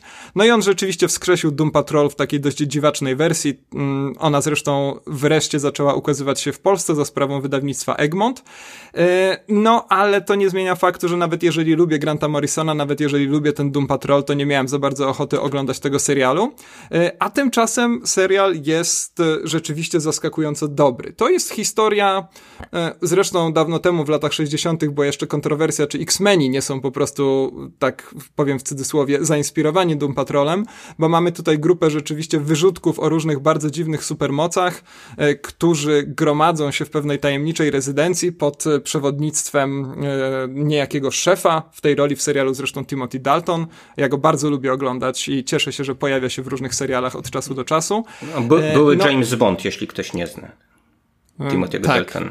Były Red Butler z serialu Scarlet też, jeżeli ktoś... To nie znam. Ktoś, ktoś sięga. Nie? No, wydaje mi się, że Timothy Dalton grał w Scarlet, ale nie jestem, nie jestem absolutnie pewien. No i tutaj mamy do czynienia właśnie z taką dość dziwaczną grupą wyrzutków. No i oni rzeczywiście mierzą się z... Mm, takimi przeciwnikami, przeszkodami, e, które raczej trudno wymyślić, e, kiedy po prostu zawieszamy się nad kartką i na szybko chcemy wymyślić e, jakiegoś przeciwnika dla głównego bohatera.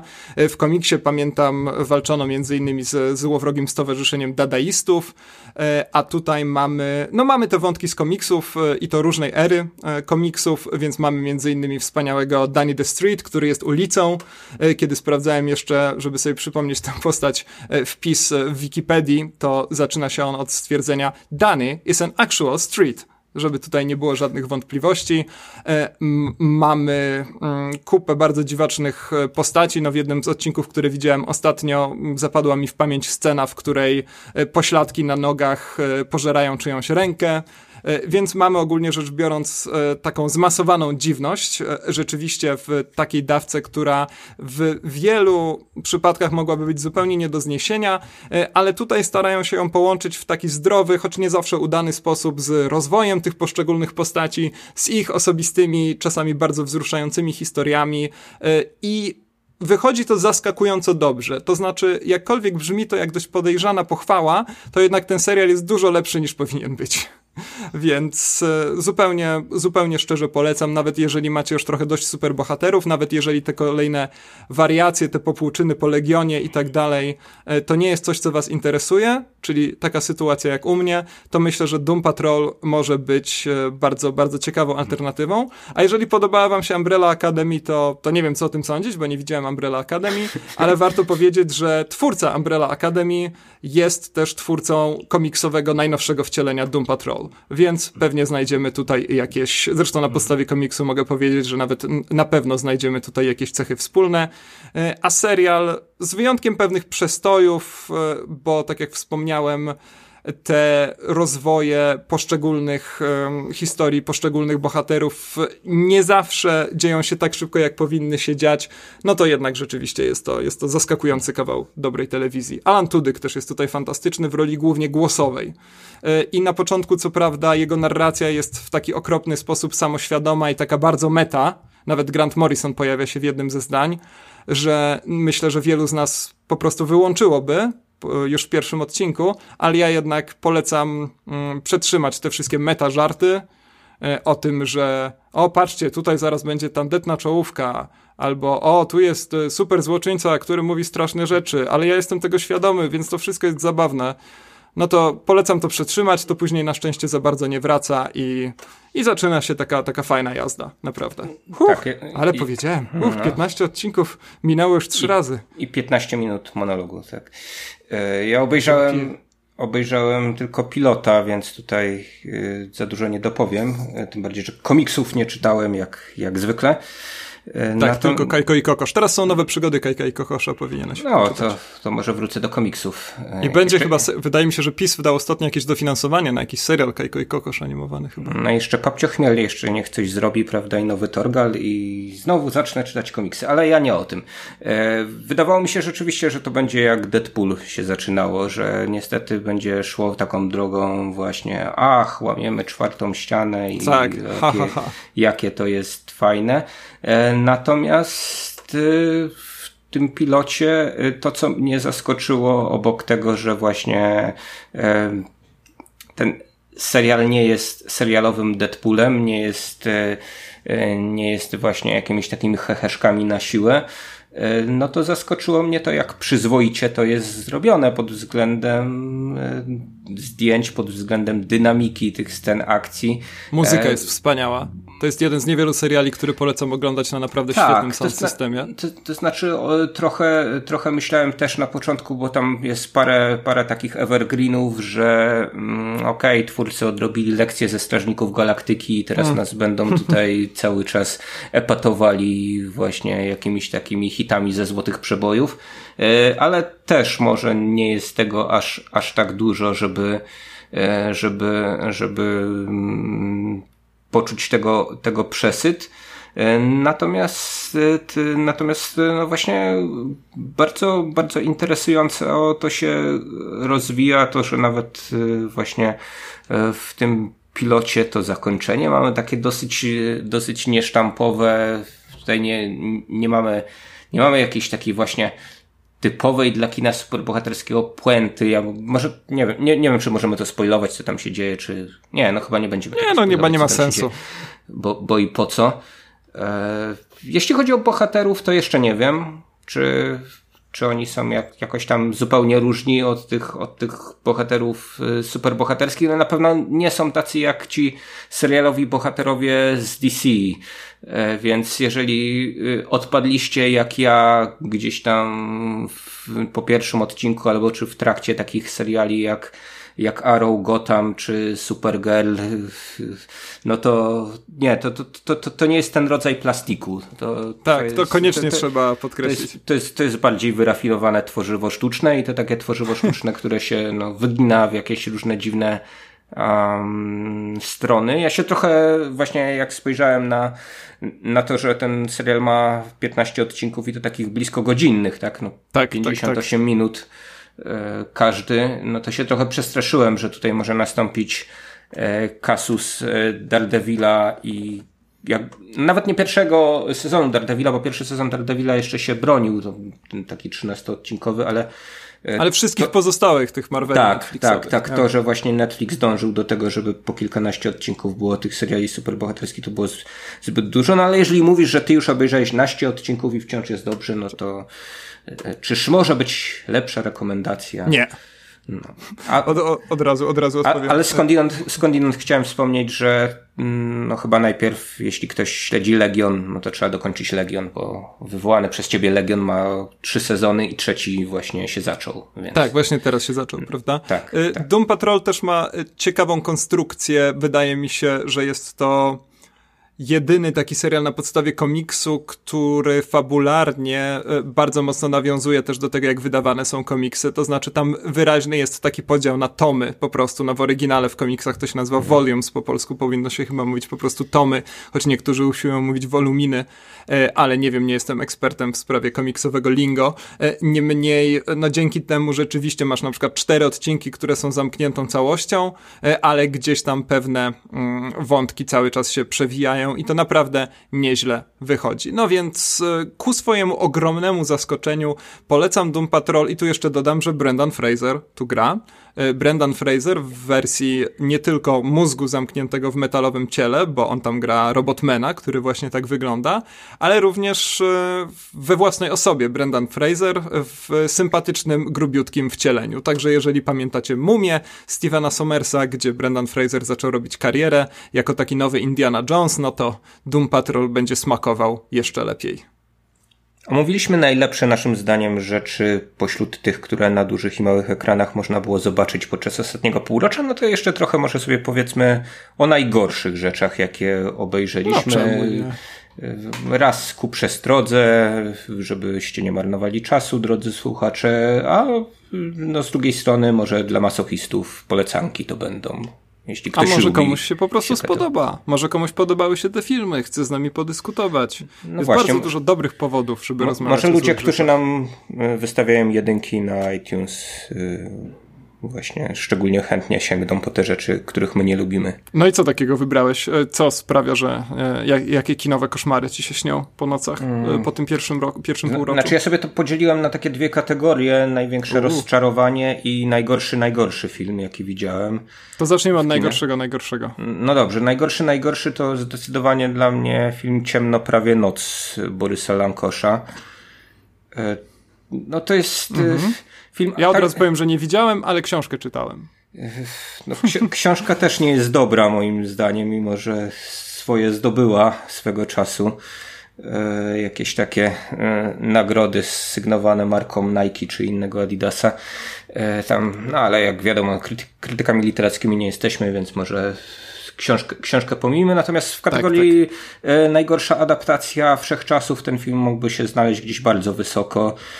Też pod kątem no, tego, jak, jak złe pomysły gdzieś na poziomie, nie wiem, pisania scenariusza albo skracania scenariusza mieli twórcy. E, no, bo oni sobie zamierzyli na samym początku, że to będzie miniserial, z tego co czytałem. No a potem e, okazało się, że mm, chyba nie ma środków na ten miniserial, mhm. ale można zrobić film kinowy. E, no ale wygląda to tak jakby scenariusz był wciąż pisany pod kątem tego miniserialu i nagle... Super by było, jakby zapomnieli wyciąć tyłówki po prostu i no, no nie, ra, ra, raczej końcowe w czasie serialu, w czasie filmu. Znaczy raczej chodzi mi o strukturę y, y, samego... Albo jest logo telewizji jakiejś to. Okej. Okay. Albo reklamy. No, Okej, okay, no mogło być gorzej, tak jak sobie myślę o tak. Twoich pomysłach, ale nieznacznie gorzej tylko, bo tu naprawdę jest jakoś tak blisko dna ze względu na to, że e, na samym początku jesteśmy e, wrzucani w ten straszny świat wałbrzyski. Jak wiadomo, Wałbrzych obok no, ty tam Rado Radomia, Sosnowca. Jestem z Jeleniej Góry, więc to jest inna kotlina. Ja wiem, że dla ciebie ze Śląska tak zwanego górnego, cały dolny to jest jedna magma taka. Z tak zwanego prawdziwego. Mhm. No. no.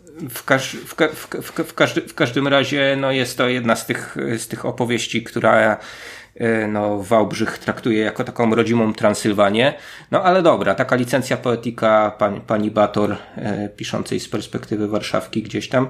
E, no i też e, adaptacja spokojnie mogłaby pójść w stronę takiego właśnie horroru lokalnego, no tyle, że trzeba zrobić to dobrze. Lankosz robi to źle już na jakichś takich y, y, podstawowych poziomach scenariopisarstwa, to znaczy y, wprowadza do tego filmu postacie, o których nic nie wiemy, które pojawiają się nagle na chwilę, wykonują jakieś dziwne akcje i znikają. Tutaj na przykład postać grana przez Rafała Maćkowiaka jest takim najlepszym, najgorszym tego przykładem. E, są jakieś dziwne sceny z postacią Marcina Dorocińskiego w ogrodzie, które może mają sens w książce, natomiast no, w tej adaptacji zupełnie niespecjalnie.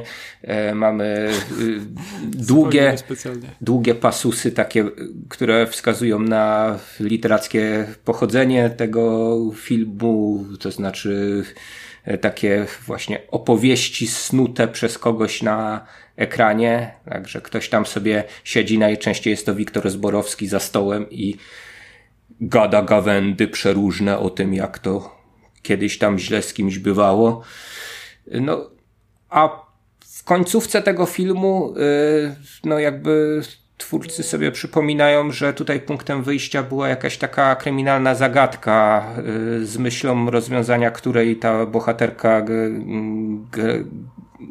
która no, jest jakąś tam dziennikarką, reporterką, miała rozwiązać, y, no, przyjechała do, do Wałbrzycha właśnie po to. No, trzeba rozwiązać tę zagadkę, no tylko no, zostało nam już, y, nie wiem, tam 25 minut, więc nagle y, robimy akcje typu ktoś kogoś tam podsłucha pod drzwiami, ktoś czegoś się dowie wprost, bo ktoś inny się wygada, chociaż milczał przez y, mm, no nie tylko tę godzinę filmu, ale długie tygodnie chyba tego, jak, gdy tam się akcja rozgrywa.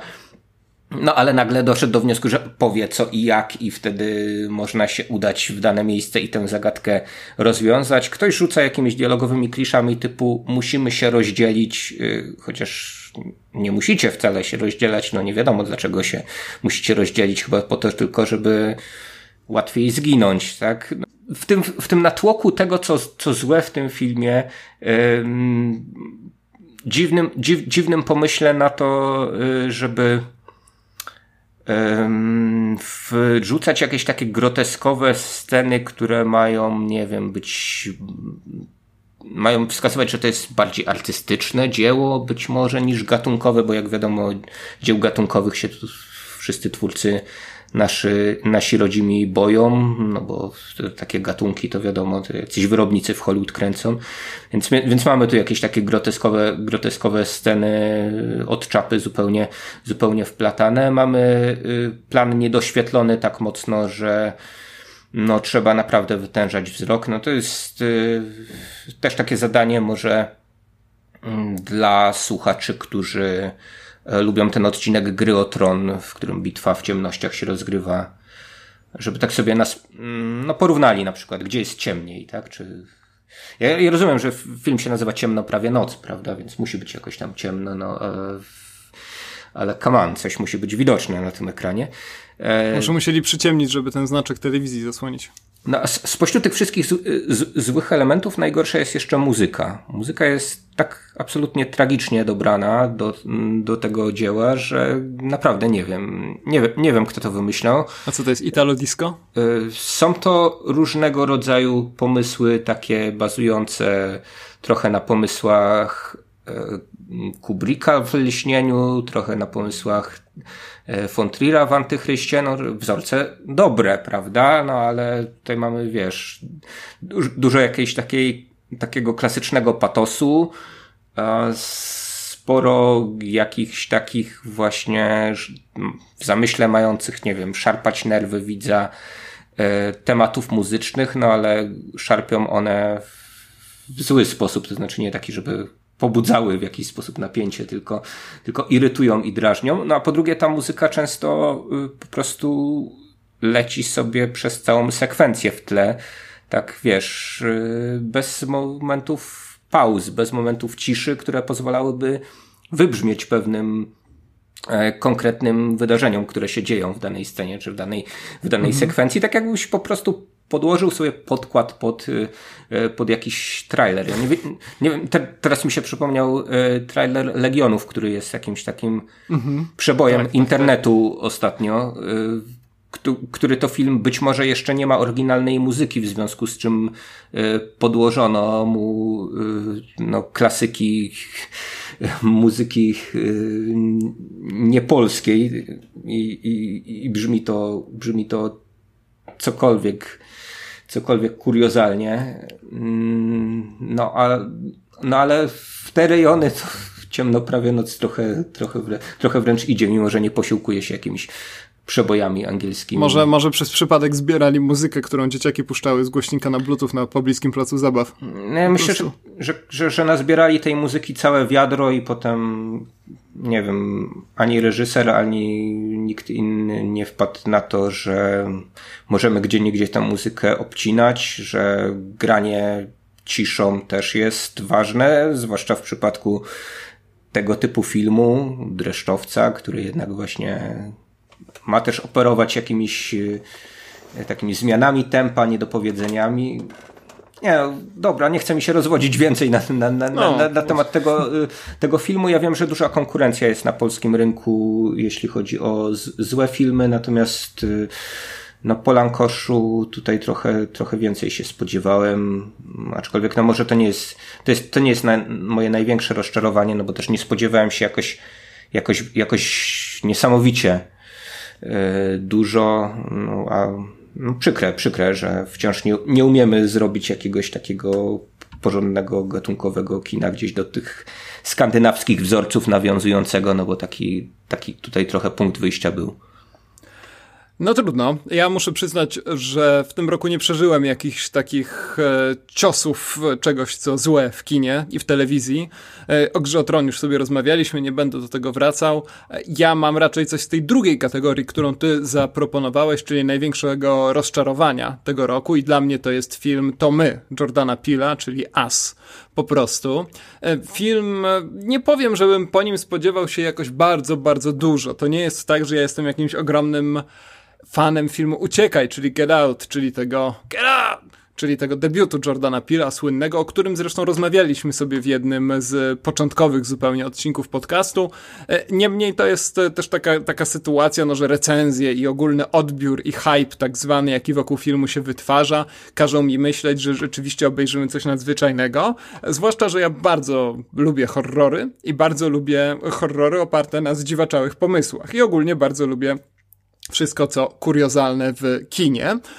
No tutaj pomysł e, Tomy jest rzeczywiście całkiem niezły, jak pamiętacie, albo z samego filmu, bo jednak był on nadzwyczaj popularny, jest duża szansa, że go widzieliście, a jeżeli nie, to może przynajmniej zobaczyliście zwiastun. To historia e, sympatycznej rodziny, która wyjeżdża na wakacje, no i nagle mm, gdzieś tam przed ich domem pojawia się taka sama rodzina, tylko ubrana w dość e, interesujące czerwone skafandry i wyposażona w ogromne, chyba pozłacane nawet nożyczki, które można obserwować na plakacie.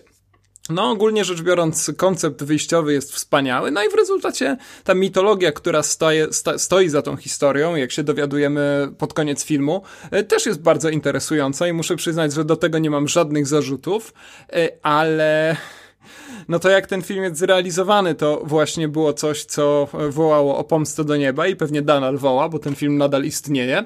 E, otóż ja nie mogłem się oprzeć wrażeniu, że oglądam jakąś bardzo prymitywną produkcję telewizyjną, która ma bardzo dużo takich problemów realizacyjnych właśnie. Um, trudno mi nawet to ująć w jakieś konkretne słowa, e, ale w pewnym momencie, kiedy widziałem już kolejne jakieś takie ujęcie niby z oczu bohatera, e, kolejne cięcie, które pokazywało mi jakiś detal, który przecież na pewno bym przegapił samemu, e, kolejną sekwencję, która tłumaczyła mi absolutnie wszystko, co przed chwilą się wydarzy i co zaraz się wydarzy, to no to już nie wytrzymywałem po prostu. Mam trochę, miałem takie długie momenty w czasie oglądania tego filmu, że oglądam po prostu film tak zły, że aż dobry, że i to, no niestety paradoksalnie, nie w tym dobrym znaczeniu, raczej e, film tak zły, że aż dobry, czy też na tyle dobry, że doczeka się jakiejś porządnej pozycji w różnych nocnych seansach, kiedy e, ludzie gdzieś tam pod wpływem różnych używek będą go sobie e, oglądać i głośno komentować, e, ponieważ no rzeczywiście w kilku momentach ten film bardzo efektownie siada, i nagle zmienia się film o ludziach, którzy chodzą albo biegają i ewentualnie dźgają się nawzajem. Mimo bardzo interesujących e, założeń fabularnych, no to nie udaje się tam stworzyć jakichś przekonujących złoczyńców. E, trudno cały czas nie zastanawiać się, czego tak naprawdę boją się główni bohaterowie. No i, i rzeczywiście ten film ma bardzo duże problemy z rytmem całości i przez to niezwykle trudno się go ogląda, a w dodatku no jednak wielki wielkim, wielkim problemem tego filmu jest to, że tłumaczy absolutnie wszystko w najbardziej taki męczący, denerwujący sposób, e, to może szczególnie denerwować tych, którzy mniej więcej rzeczywiście wiedzą, o czym ten film jest, kiedy przystępują do oglądania. No ja o tyle wiedziałem, że po prostu oglądałem wcześniej zwiastun, no i te kampanie reklamowe gdzieś tam musiały się na mnie nadziać, albo ja na nie, zanim włączyłem film, czy też zasiadłem e, w fotelu i obejrzałem film. E, no i nie ukrywam, że wiedza o tym, że mamy tutaj do czynienia z jakąś taką figurą podwójności i tak dalej, no ona bardzo wzbogaca pierwsze kilkadziesiąt nawet e, minut seansu, bo rzeczywiście można mm, przyglądać się pewnym takim ciekawym detalom, pewnym ciekawym zależnościom, które się tam pojawiają i można sobie myśleć o tym, że reżyser rzeczywiście, no tak jak ci najwybitniejsi e, twórcy kina, nie tylko współczesnego, ale w ogóle rzeczywiście całą, całą tą swoją materię podporządkowuje jakiemuś jednemu tematowi w taki nawet najbardziej subtelny sposób, no ale później niestety bohaterka albo narrator po prostu za pomocą jakiejś sekwencji montażowej e, tłumaczą nam absolutnie wszystko, co się wydarzyło, powtarzają nam pewne sceny, z których e, zauważenia my byliśmy dumni, no i wszystko zmienia się w taką dość żenującą papkę. Także no to było dla mnie rzeczywiście takie ogromne rozczarowanie, bo spodziewałem się intrygującego, trzymającego w napięciu seansu, czyli wcale nie tak bardzo dużo, a dostałem coś, co miałem wrażenie czasami, że leci na TVP o 20, nie, może nie o 20.10, ale powiedzmy o, o 20.45. O, mhm. bo to horror, więc trochę mhm. później leci. Mhm. Ja, ja, może nie mam tak zupełnie negatywnego stosunku jak ty do tego filmu, natomiast także jestem nim rozczarowany. To znaczy, ja się um, wyżywałem już na Jordanie Pilu chyba w Tak, no bo ty odcinku. widziałeś tą nieszczęsną strefę mroku, prawda? No ja się do tak. tego nie zbliżam nawet. Yy, no wspominam ją dlatego, że mm, tutaj punktem wyjścia dla Pila też podobno był jeden z odcinków tej klasycznej strefy mroku. I on na bazie tego budował sam koncept tego świata, który, który pojawia się w filmie Tomy. E, na szczęście nie ma w tym filmie e, Jordana Pila wcielającego się w rolę Roda Serlinga, tak jak w przypadku tej strefy mroku, który bym nam objaśniał jako wspaniały reżyser co i jak, ale objaśnianie jest tak czy owak. No, łopatologia tak. to jest grzech chyba pierworodny Jordana Pila. E, dla mnie to jest taki reżyser, no i tak mi się jawi, po, przynajmniej po, e, po tym filmie i po Strefie Mroku, który czuje się takim prymusem trochę pośród reżyserów, to znaczy wymyśla sobie jakiś dosyć ciekawy koncept, yy, i, on, I ten koncept y, no, jest naprawdę dość interesujący. Y, działa na poziomie y, właśnie metafory, którą no, można przeczytać, tak jak w przypadku tego filmu, chociażby jungowską psychoanalizą, tak? No bo tutaj te wszystkie wszystkie mo motywy tak cienia, persony, maski i tak dalej się przewijają, więc e, no super film dla filmoznawców, tak żeby sobie siedli i przeanalizowali i przeinterpretowali. E, no gdyby nie to, że właśnie wszystko tutaj jak na tacy nam e, Jordan Peele wykłada i chociażby wszystkie jakieś takie plot twisty są wyeksplikowane bądź to ustami samych bohaterów, co jest w ogóle najgorszym możliwym pomysłem e, tak, w filmach. w pewnym momencie bohaterka przy tablicy nam tłumaczy jakieś tak, rzeczy. Tak, no. Czekałem aż weźmie kredę i zacznie rozrysowywać schematy. Co do tej pory się wydarzyło w filmie, teraz, te, teraz wam powiem. E, no i nie tylko na poziomie całego filmu tak jest niestety, ale na poziomie poszczególnych scen. To znaczy Jordan Peele też trochę mi się jawi jako E, twórca, który no niespecjalnie jest w stanie e, poszczególne sceny wyreżyserować inaczej niż e, asekurancko. Przez asekurację Pila rozumiem to, że mm, on cały czas trzyma to w takim tonie śmieszno-strasznym, takim właśnie, że no mamy tutaj niby horror, ale zarazem taką satyrę, prawda, społeczną, więc trochę, tak, trochę będzie, będzie mhm. humoru i to nas może jakoś, to nam y, może wytrącić ten argument, że y, no ta, że, że, że, że ta scena, czy, czy ten film generalnie no nie trzyma w napięciu jak prawdziwy horror, prawda, że też właśnie składa się z tych, y, z, z tych klisz, o których wspomniałeś, że ludzie, ludzie biegają i walą się po głowach y, kijami golfowymi, bądź też wbijają sobie nożyczki i to trwa i trwa i trwa. No więc od czasu do czasu rzucają jakimiś yy, dość głupimi żarcikami, które, które sta, stanowią przerywniki tego wszystkiego. No a ta cała, cała metafora właśnie pod, podwójnego świata ma nas, ma nam zamydlić oczy i odwrócić uwagę od tego, że, że oglądamy dość źle zrealizowany Home Invasion, no w taki, taki, który no jakby nic nie wnosi do tego podgatunku horroru i taki, który no też jakoś specjalnie nie wybija się ponad, ponad w, w no, no, nawet nie powiem przeciętny poziom, ale no właśnie taki, ta, ta, ta, taki mie, mierny poziom. No być może, być może aktorsko tutaj no Lupita Nyong'o tylko no, stara się jak może i yy, no niektóre, niektóre sceny, sceny z dziećmi też są, też są dosyć dobrze naszkicowane, no ale, ale nawet yy, największe wysiłki aktorów legną w gruzach, jeżeli każemy im na przykład yy, komentować to, co w tym momencie wykonują na ekranie. To jest coś, co mnie też jakoś strasznie drażniło w tym filmie, to że wiem, ojciec rodziny mówi w momencie, gdy jego żona wysiadła zupełnie głupio z samochodu, nie wiadomo dlaczego ona wysiadła z tego samochodu, że no mama wyszła z samochodu, tak, no.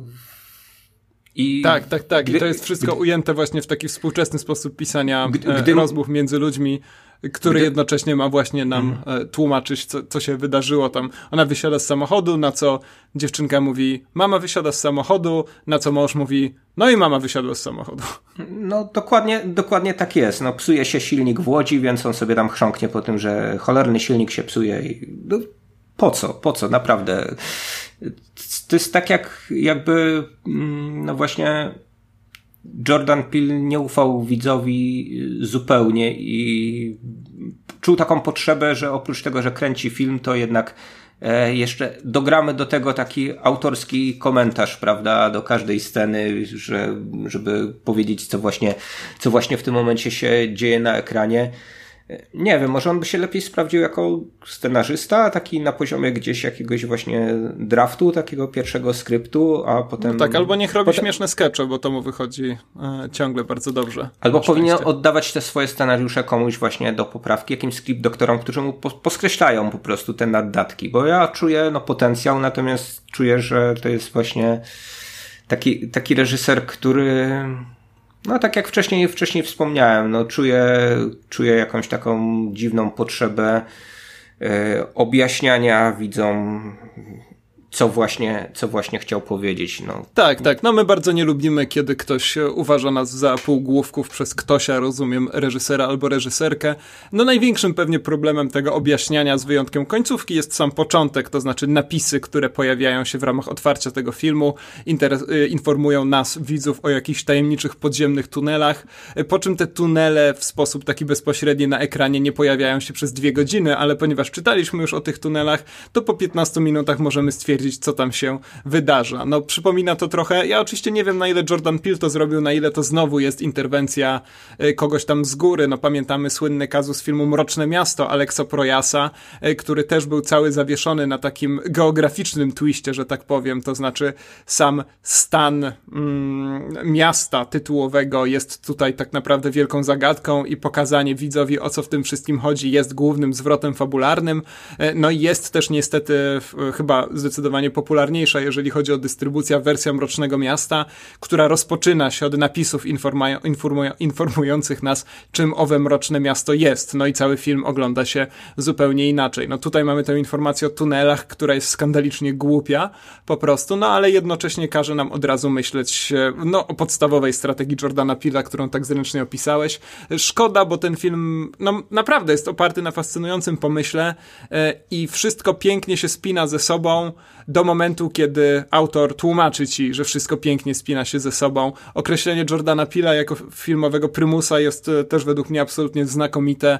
E, on jest takim ananiaszem, który zgłasza się siedząc w pierwszej ławce i w okrągłych okularkach cały czas, żeby podlizać się pani, jaki to nie jest mądry, ale nie stać go na żadne transgresje, prawda, na żadne takie e, prawdziwe filmowe ryzyko żeby właśnie tutaj, broń Boże, tego widza gdzieś tam po drodze nie zgubić. Także Jordan Peele jako Ananiasz e, to jest moja nowa e, figura filmowego twórcy, no i tyle. I skończmy to już, bo e, nie ma co się nad tym rozwodzić. Nie jest to film tak, tak tragiczny jak Ciemno prawie noc, chociażby jak wynika z twoich opowieści. Ba, w ogóle nie jest to film tragiczny, ale jest to film niestety pełen męczących wad i dlatego właśnie klasyfikuję go tutaj jako moje największe rozczarowanie tego półrocza. Ale jeżeli As jest twoim najgorszym rozczarowanym, rozczarowaniem półrocza, to i tak znaczy to, że miałeś całkiem niezłe półrocze. Zaznaczmy to od razu. Albo niewielkie oczekiwania. Nie. Albo nie, tak, no najłatwiej jest po prostu zaniżyć swoje oczekiwania, jak to mówił Phil Dunphy, więc, e, więc tak, jak najbardziej. Mnie trochę rozczarowała ostatnia odsłona Godzilli. Nie będę się też może na ten temat jakoś specjalnie rozwodził, natomiast yy, Pierwsze y, dwie części tego uniwersum, y, czyli, czyli Godzilla po prostu i y, Kong Wyspa Czaszki, no jakoś tak rozbudziły mój apetyt na to, że można stworzyć jakieś takie spójne uniwersum, które nie będzie uniwersum superbohaterskim, no tylko będzie właśnie takim uniwersum tych amerykańskich Kajuega, czyli właśnie tych opowieści o wielkich, wielkich potworach. E, no niestety Godzilla 2 Król Potworów to jest y, film no tak który, który, który sprowadza no to uniwersum gdzieś do z kolei dla mnie do poziomu y, uniwersum Transformers z racji jakiegoś takiego absolutnego chaosu, który w tym filmie panuje z racji tego, że znowu mamy za dużo postaci, ale o ile w Kongu Wyspie Czaszki udało się ten nadmiar postaci przezwyciężyć w jakiś sposób, budując chociaż kilka wyrazistych, chociażby te grane przez Samuela. Jacksona czy Johna. Reilly'ego i ym, obok tych, y, tych właśnie scen, scen z ludźmi y, zbudować jakiś taki spójny, wizualny obraz całości, no i dorzucić do tego jeszcze bardzo spektakularne sceny e, walk potworów, no tyle właśnie Godzilla 2 e, Król Potworów cierpi na przesyt już wszystkiego. Tego też, tych, tych potworów jest zbyt wiele.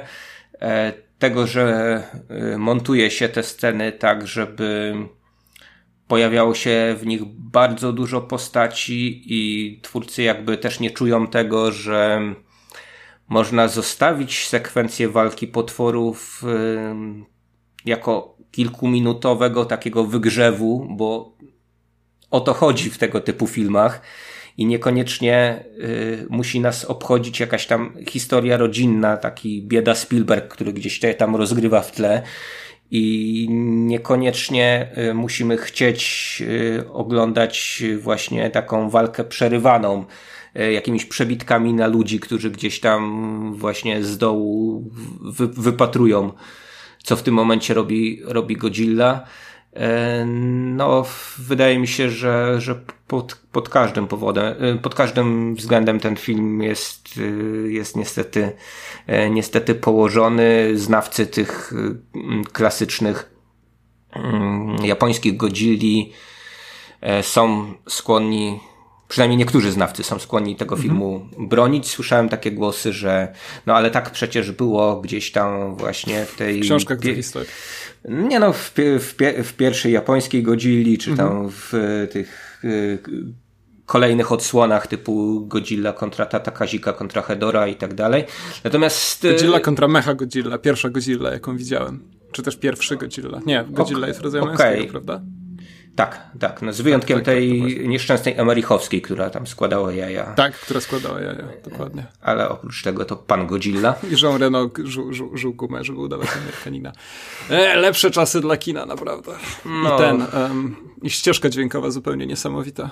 Myślę, myślę, że, my, myślę, że wciąż był to lepszy film niż Godzilla, Król Potworów. Naprawdę? No to są mocne słowa. No. no. tak, ale z Godzillą Emericha mam przynajmniej związane jakieś takie nostalgiczne wspomnienia szczęśliwego dzieciństwa, no bo wtedy miałem jakieś 12 lat, czy 11. Kiedy słuchałeś e, no, Puffa Daddy'ego, tak? Puffa Daddy'ego. się Puffem Didim jeszcze. No ale tak, wracając... To był Puff Daddy z kimś, z jakimś Kirkiem Hammetem, czy z kimś, no nieważne, nieważne, zostawmy to. No, tam był Jimmy Page na gitarze. Z Jimmy Page'em, tak, tak, tak, ojejku. Jeszcze swój własny riff grał do tego. No. Żaden z nich nie powinien się obrazić za, e, za tą pomyłkę. E, no, ja nie, nie spodziewałem się absolutnie niczego po Godzilli Królu Potworów, e, tak bardzo, że zupełnie z pełną świadomością nie poszedłem na to do kina. Ostatnio ogólnie rzecz biorąc coraz mniej ciąga mnie chodzenie do kina na absolutnie wszystko i mimo, że ciągle nie wspieram się recenzjami w jakichś takich ostatecznych decyzjach, chociaż one gdzieś tam podświadomie na pewno na mnie wpływają, tak jak mówiłem przy okazji filmu Tomy Jordana Pila, no to jednak ostatnio coraz bardziej więcej sobie filmów chyba odpuszczam i nie żałuję, niż rzeczywiście pędzę na nie e, do kina, marnując na to swój, swój Jasne, to znaczy ja, ja, to ja tutaj... Ciekawe zjawisko. Tutaj nie, nie spodziewałem się nie wiadomo jak wysublimowanego dzieła, ale spodziewałem się y, tych walk potworów na podobnym no, poziomie, no, co no, Kong w Kongu jest super właśnie. pod tym względem. Więc znaczy to jest w ogóle, dlatego... rozmawialiśmy o tym filmie krótko, tak. że to jest naprawdę takie, no mocne 7 na 10 bym powiedział, czy Dla, 8 takich filmów. Dlatego właśnie chciałem pójść do kina, no liczyłem na jakiś dobry y, letni blockbuster. Wciąż jeszcze tego dobrego letniego blockbustera nie mam. Mam nadzieję, że Spider-Man jakby no, przełamie tak, tę, tę, tę złą pasę, tylko y, chciałem jeszcze y, dokończyć, bo gdzieś tam mhm. odlecieliśmy w stronę tego Americha i, i Puffa Dediego, no właśnie y, obrońcy, ci znawcy tych wszystkich filmów o Godzilli mówili, że no właśnie tutaj mamy taki ukłon w stronę um, jakichś tam japońskich filmów, w których ludzie się zachowywali równie głupio i że tutaj ktoś, to jest zawsze podobnie jak argument. ten Ken Watanabe. No, no właśnie dla mnie to nie jest, to nie jest argument, to, to jest to jest właśnie tak jak z tą nową strefą mroku Jordana Pila, że mhm. bierzemy coś, co jest już do pewnego stopnia anachroniczne, co może jest właśnie sentymentem jakimś tam z dzieciństwa Jordana Pila, ale co trzeba w dobry sposób zaktualizować, no bo jednak mamy tą jakościową telewizję dzisiaj, prawda? Mamy seriale na trochę innym poziomie niż te robione pół wieku temu i też jakby inny poziom naiwności widza dzisiaj w odniesieniu do tego, co było gdzieś tam w latach 50. czy 60. XX e, wieku, więc spoko, mogą tam być jakieś mrugnięcia okiem odsyłacze do tamtych filmów, tamtych dzieł, natomiast nie możemy przeszczepiać struktury jeden do jednego i nie możemy też y, no jakby bazować na, na tej samej konwencji, która no już niestety trąci myszką, a tutaj no chyba po takiej linii najmniejszego oporu mm, twórcy poszli. No to wielka szkoda. Ja powiem ci, że słuchając ciebie puściłem sobie oczywiście na wyciszeniu, żeby iTunes nie zdjęło nam podcastu teledysk do utworu Come With Me, czyli Puff e, Daddy featuring GB Page. No i powiem ci, że nie będziemy już mieli takich teledysków. Po prostu. Nigdy już nie będzie takiej telewizji. Wielka, wielka szkoda. E, dobrze, to co? To chyba kończymy ten festiwal narzekań, ale w tym odcinku nie tylko narzekania, też troszkę bicia się w piersi, że przegapiliśmy filmy, o których powinniśmy powiedzieć wcześniej, no i także troszkę e, odkryć i podsumowań, także tych pozytywnych. Aha, żeby to tak właśnie zupełnie mhm. przygnębiająco nie kończyć, to y, właśnie. Był, by, był jeden dobry element na tym sensie Godzilli. Charles Dance. Y, Maciek Żurawski był na sali. O, no proszę. O, mm, Magic? Magic Żurawski? Sam Magic Żurawski, ale nawet on nie uratował tego seansu, tak? No to wielka no, szkoda. A przybiłeś mu piątkę? Zrobiłeś sobie z nim zdjęcie? Nie, nie, nie, nie niestety tak się minąłem z nim w drzwiach. Yy, Zadrżałeś? Wczes zorientowałem się, że Wydałeś tutaj... jakiś dźwięk z siebie, taki niczy, niczym tego Gilla. Pra, czy prawdziwy, prawdziwy, prawdziwy król jednak jest. E, tak. Na wyciągnięcie ręki. Tak, dokładnie, trzeba było mu to powiedzieć, e, wychodząc. Ja kiedyś tylko widziałem Szymona Majewskiego na seansie, ale nie wiedziałem, co mu powiedzieć. Zresztą opowiadałem chyba już kiedyś o tym w podcaście. E, dobrze, koniec tego podcastu o przypadkowych spotkaniach z celebrytami. Kończymy, prawda? Nie mamy już nic do dodania. Jest jeszcze kilka seriali, na które na pewno będziemy zwracać uwagę. No, być może przede wszystkim Euphoria, bo to przecież zrobił Barry Levinson, o którego Assassination Nation opowiadaliśmy sobie w jednym z poprzednich odcinków. Pewnie będzie trzeba zmierzyć się z, z Too Old to Die Young, Nicolasa Windiga Refna.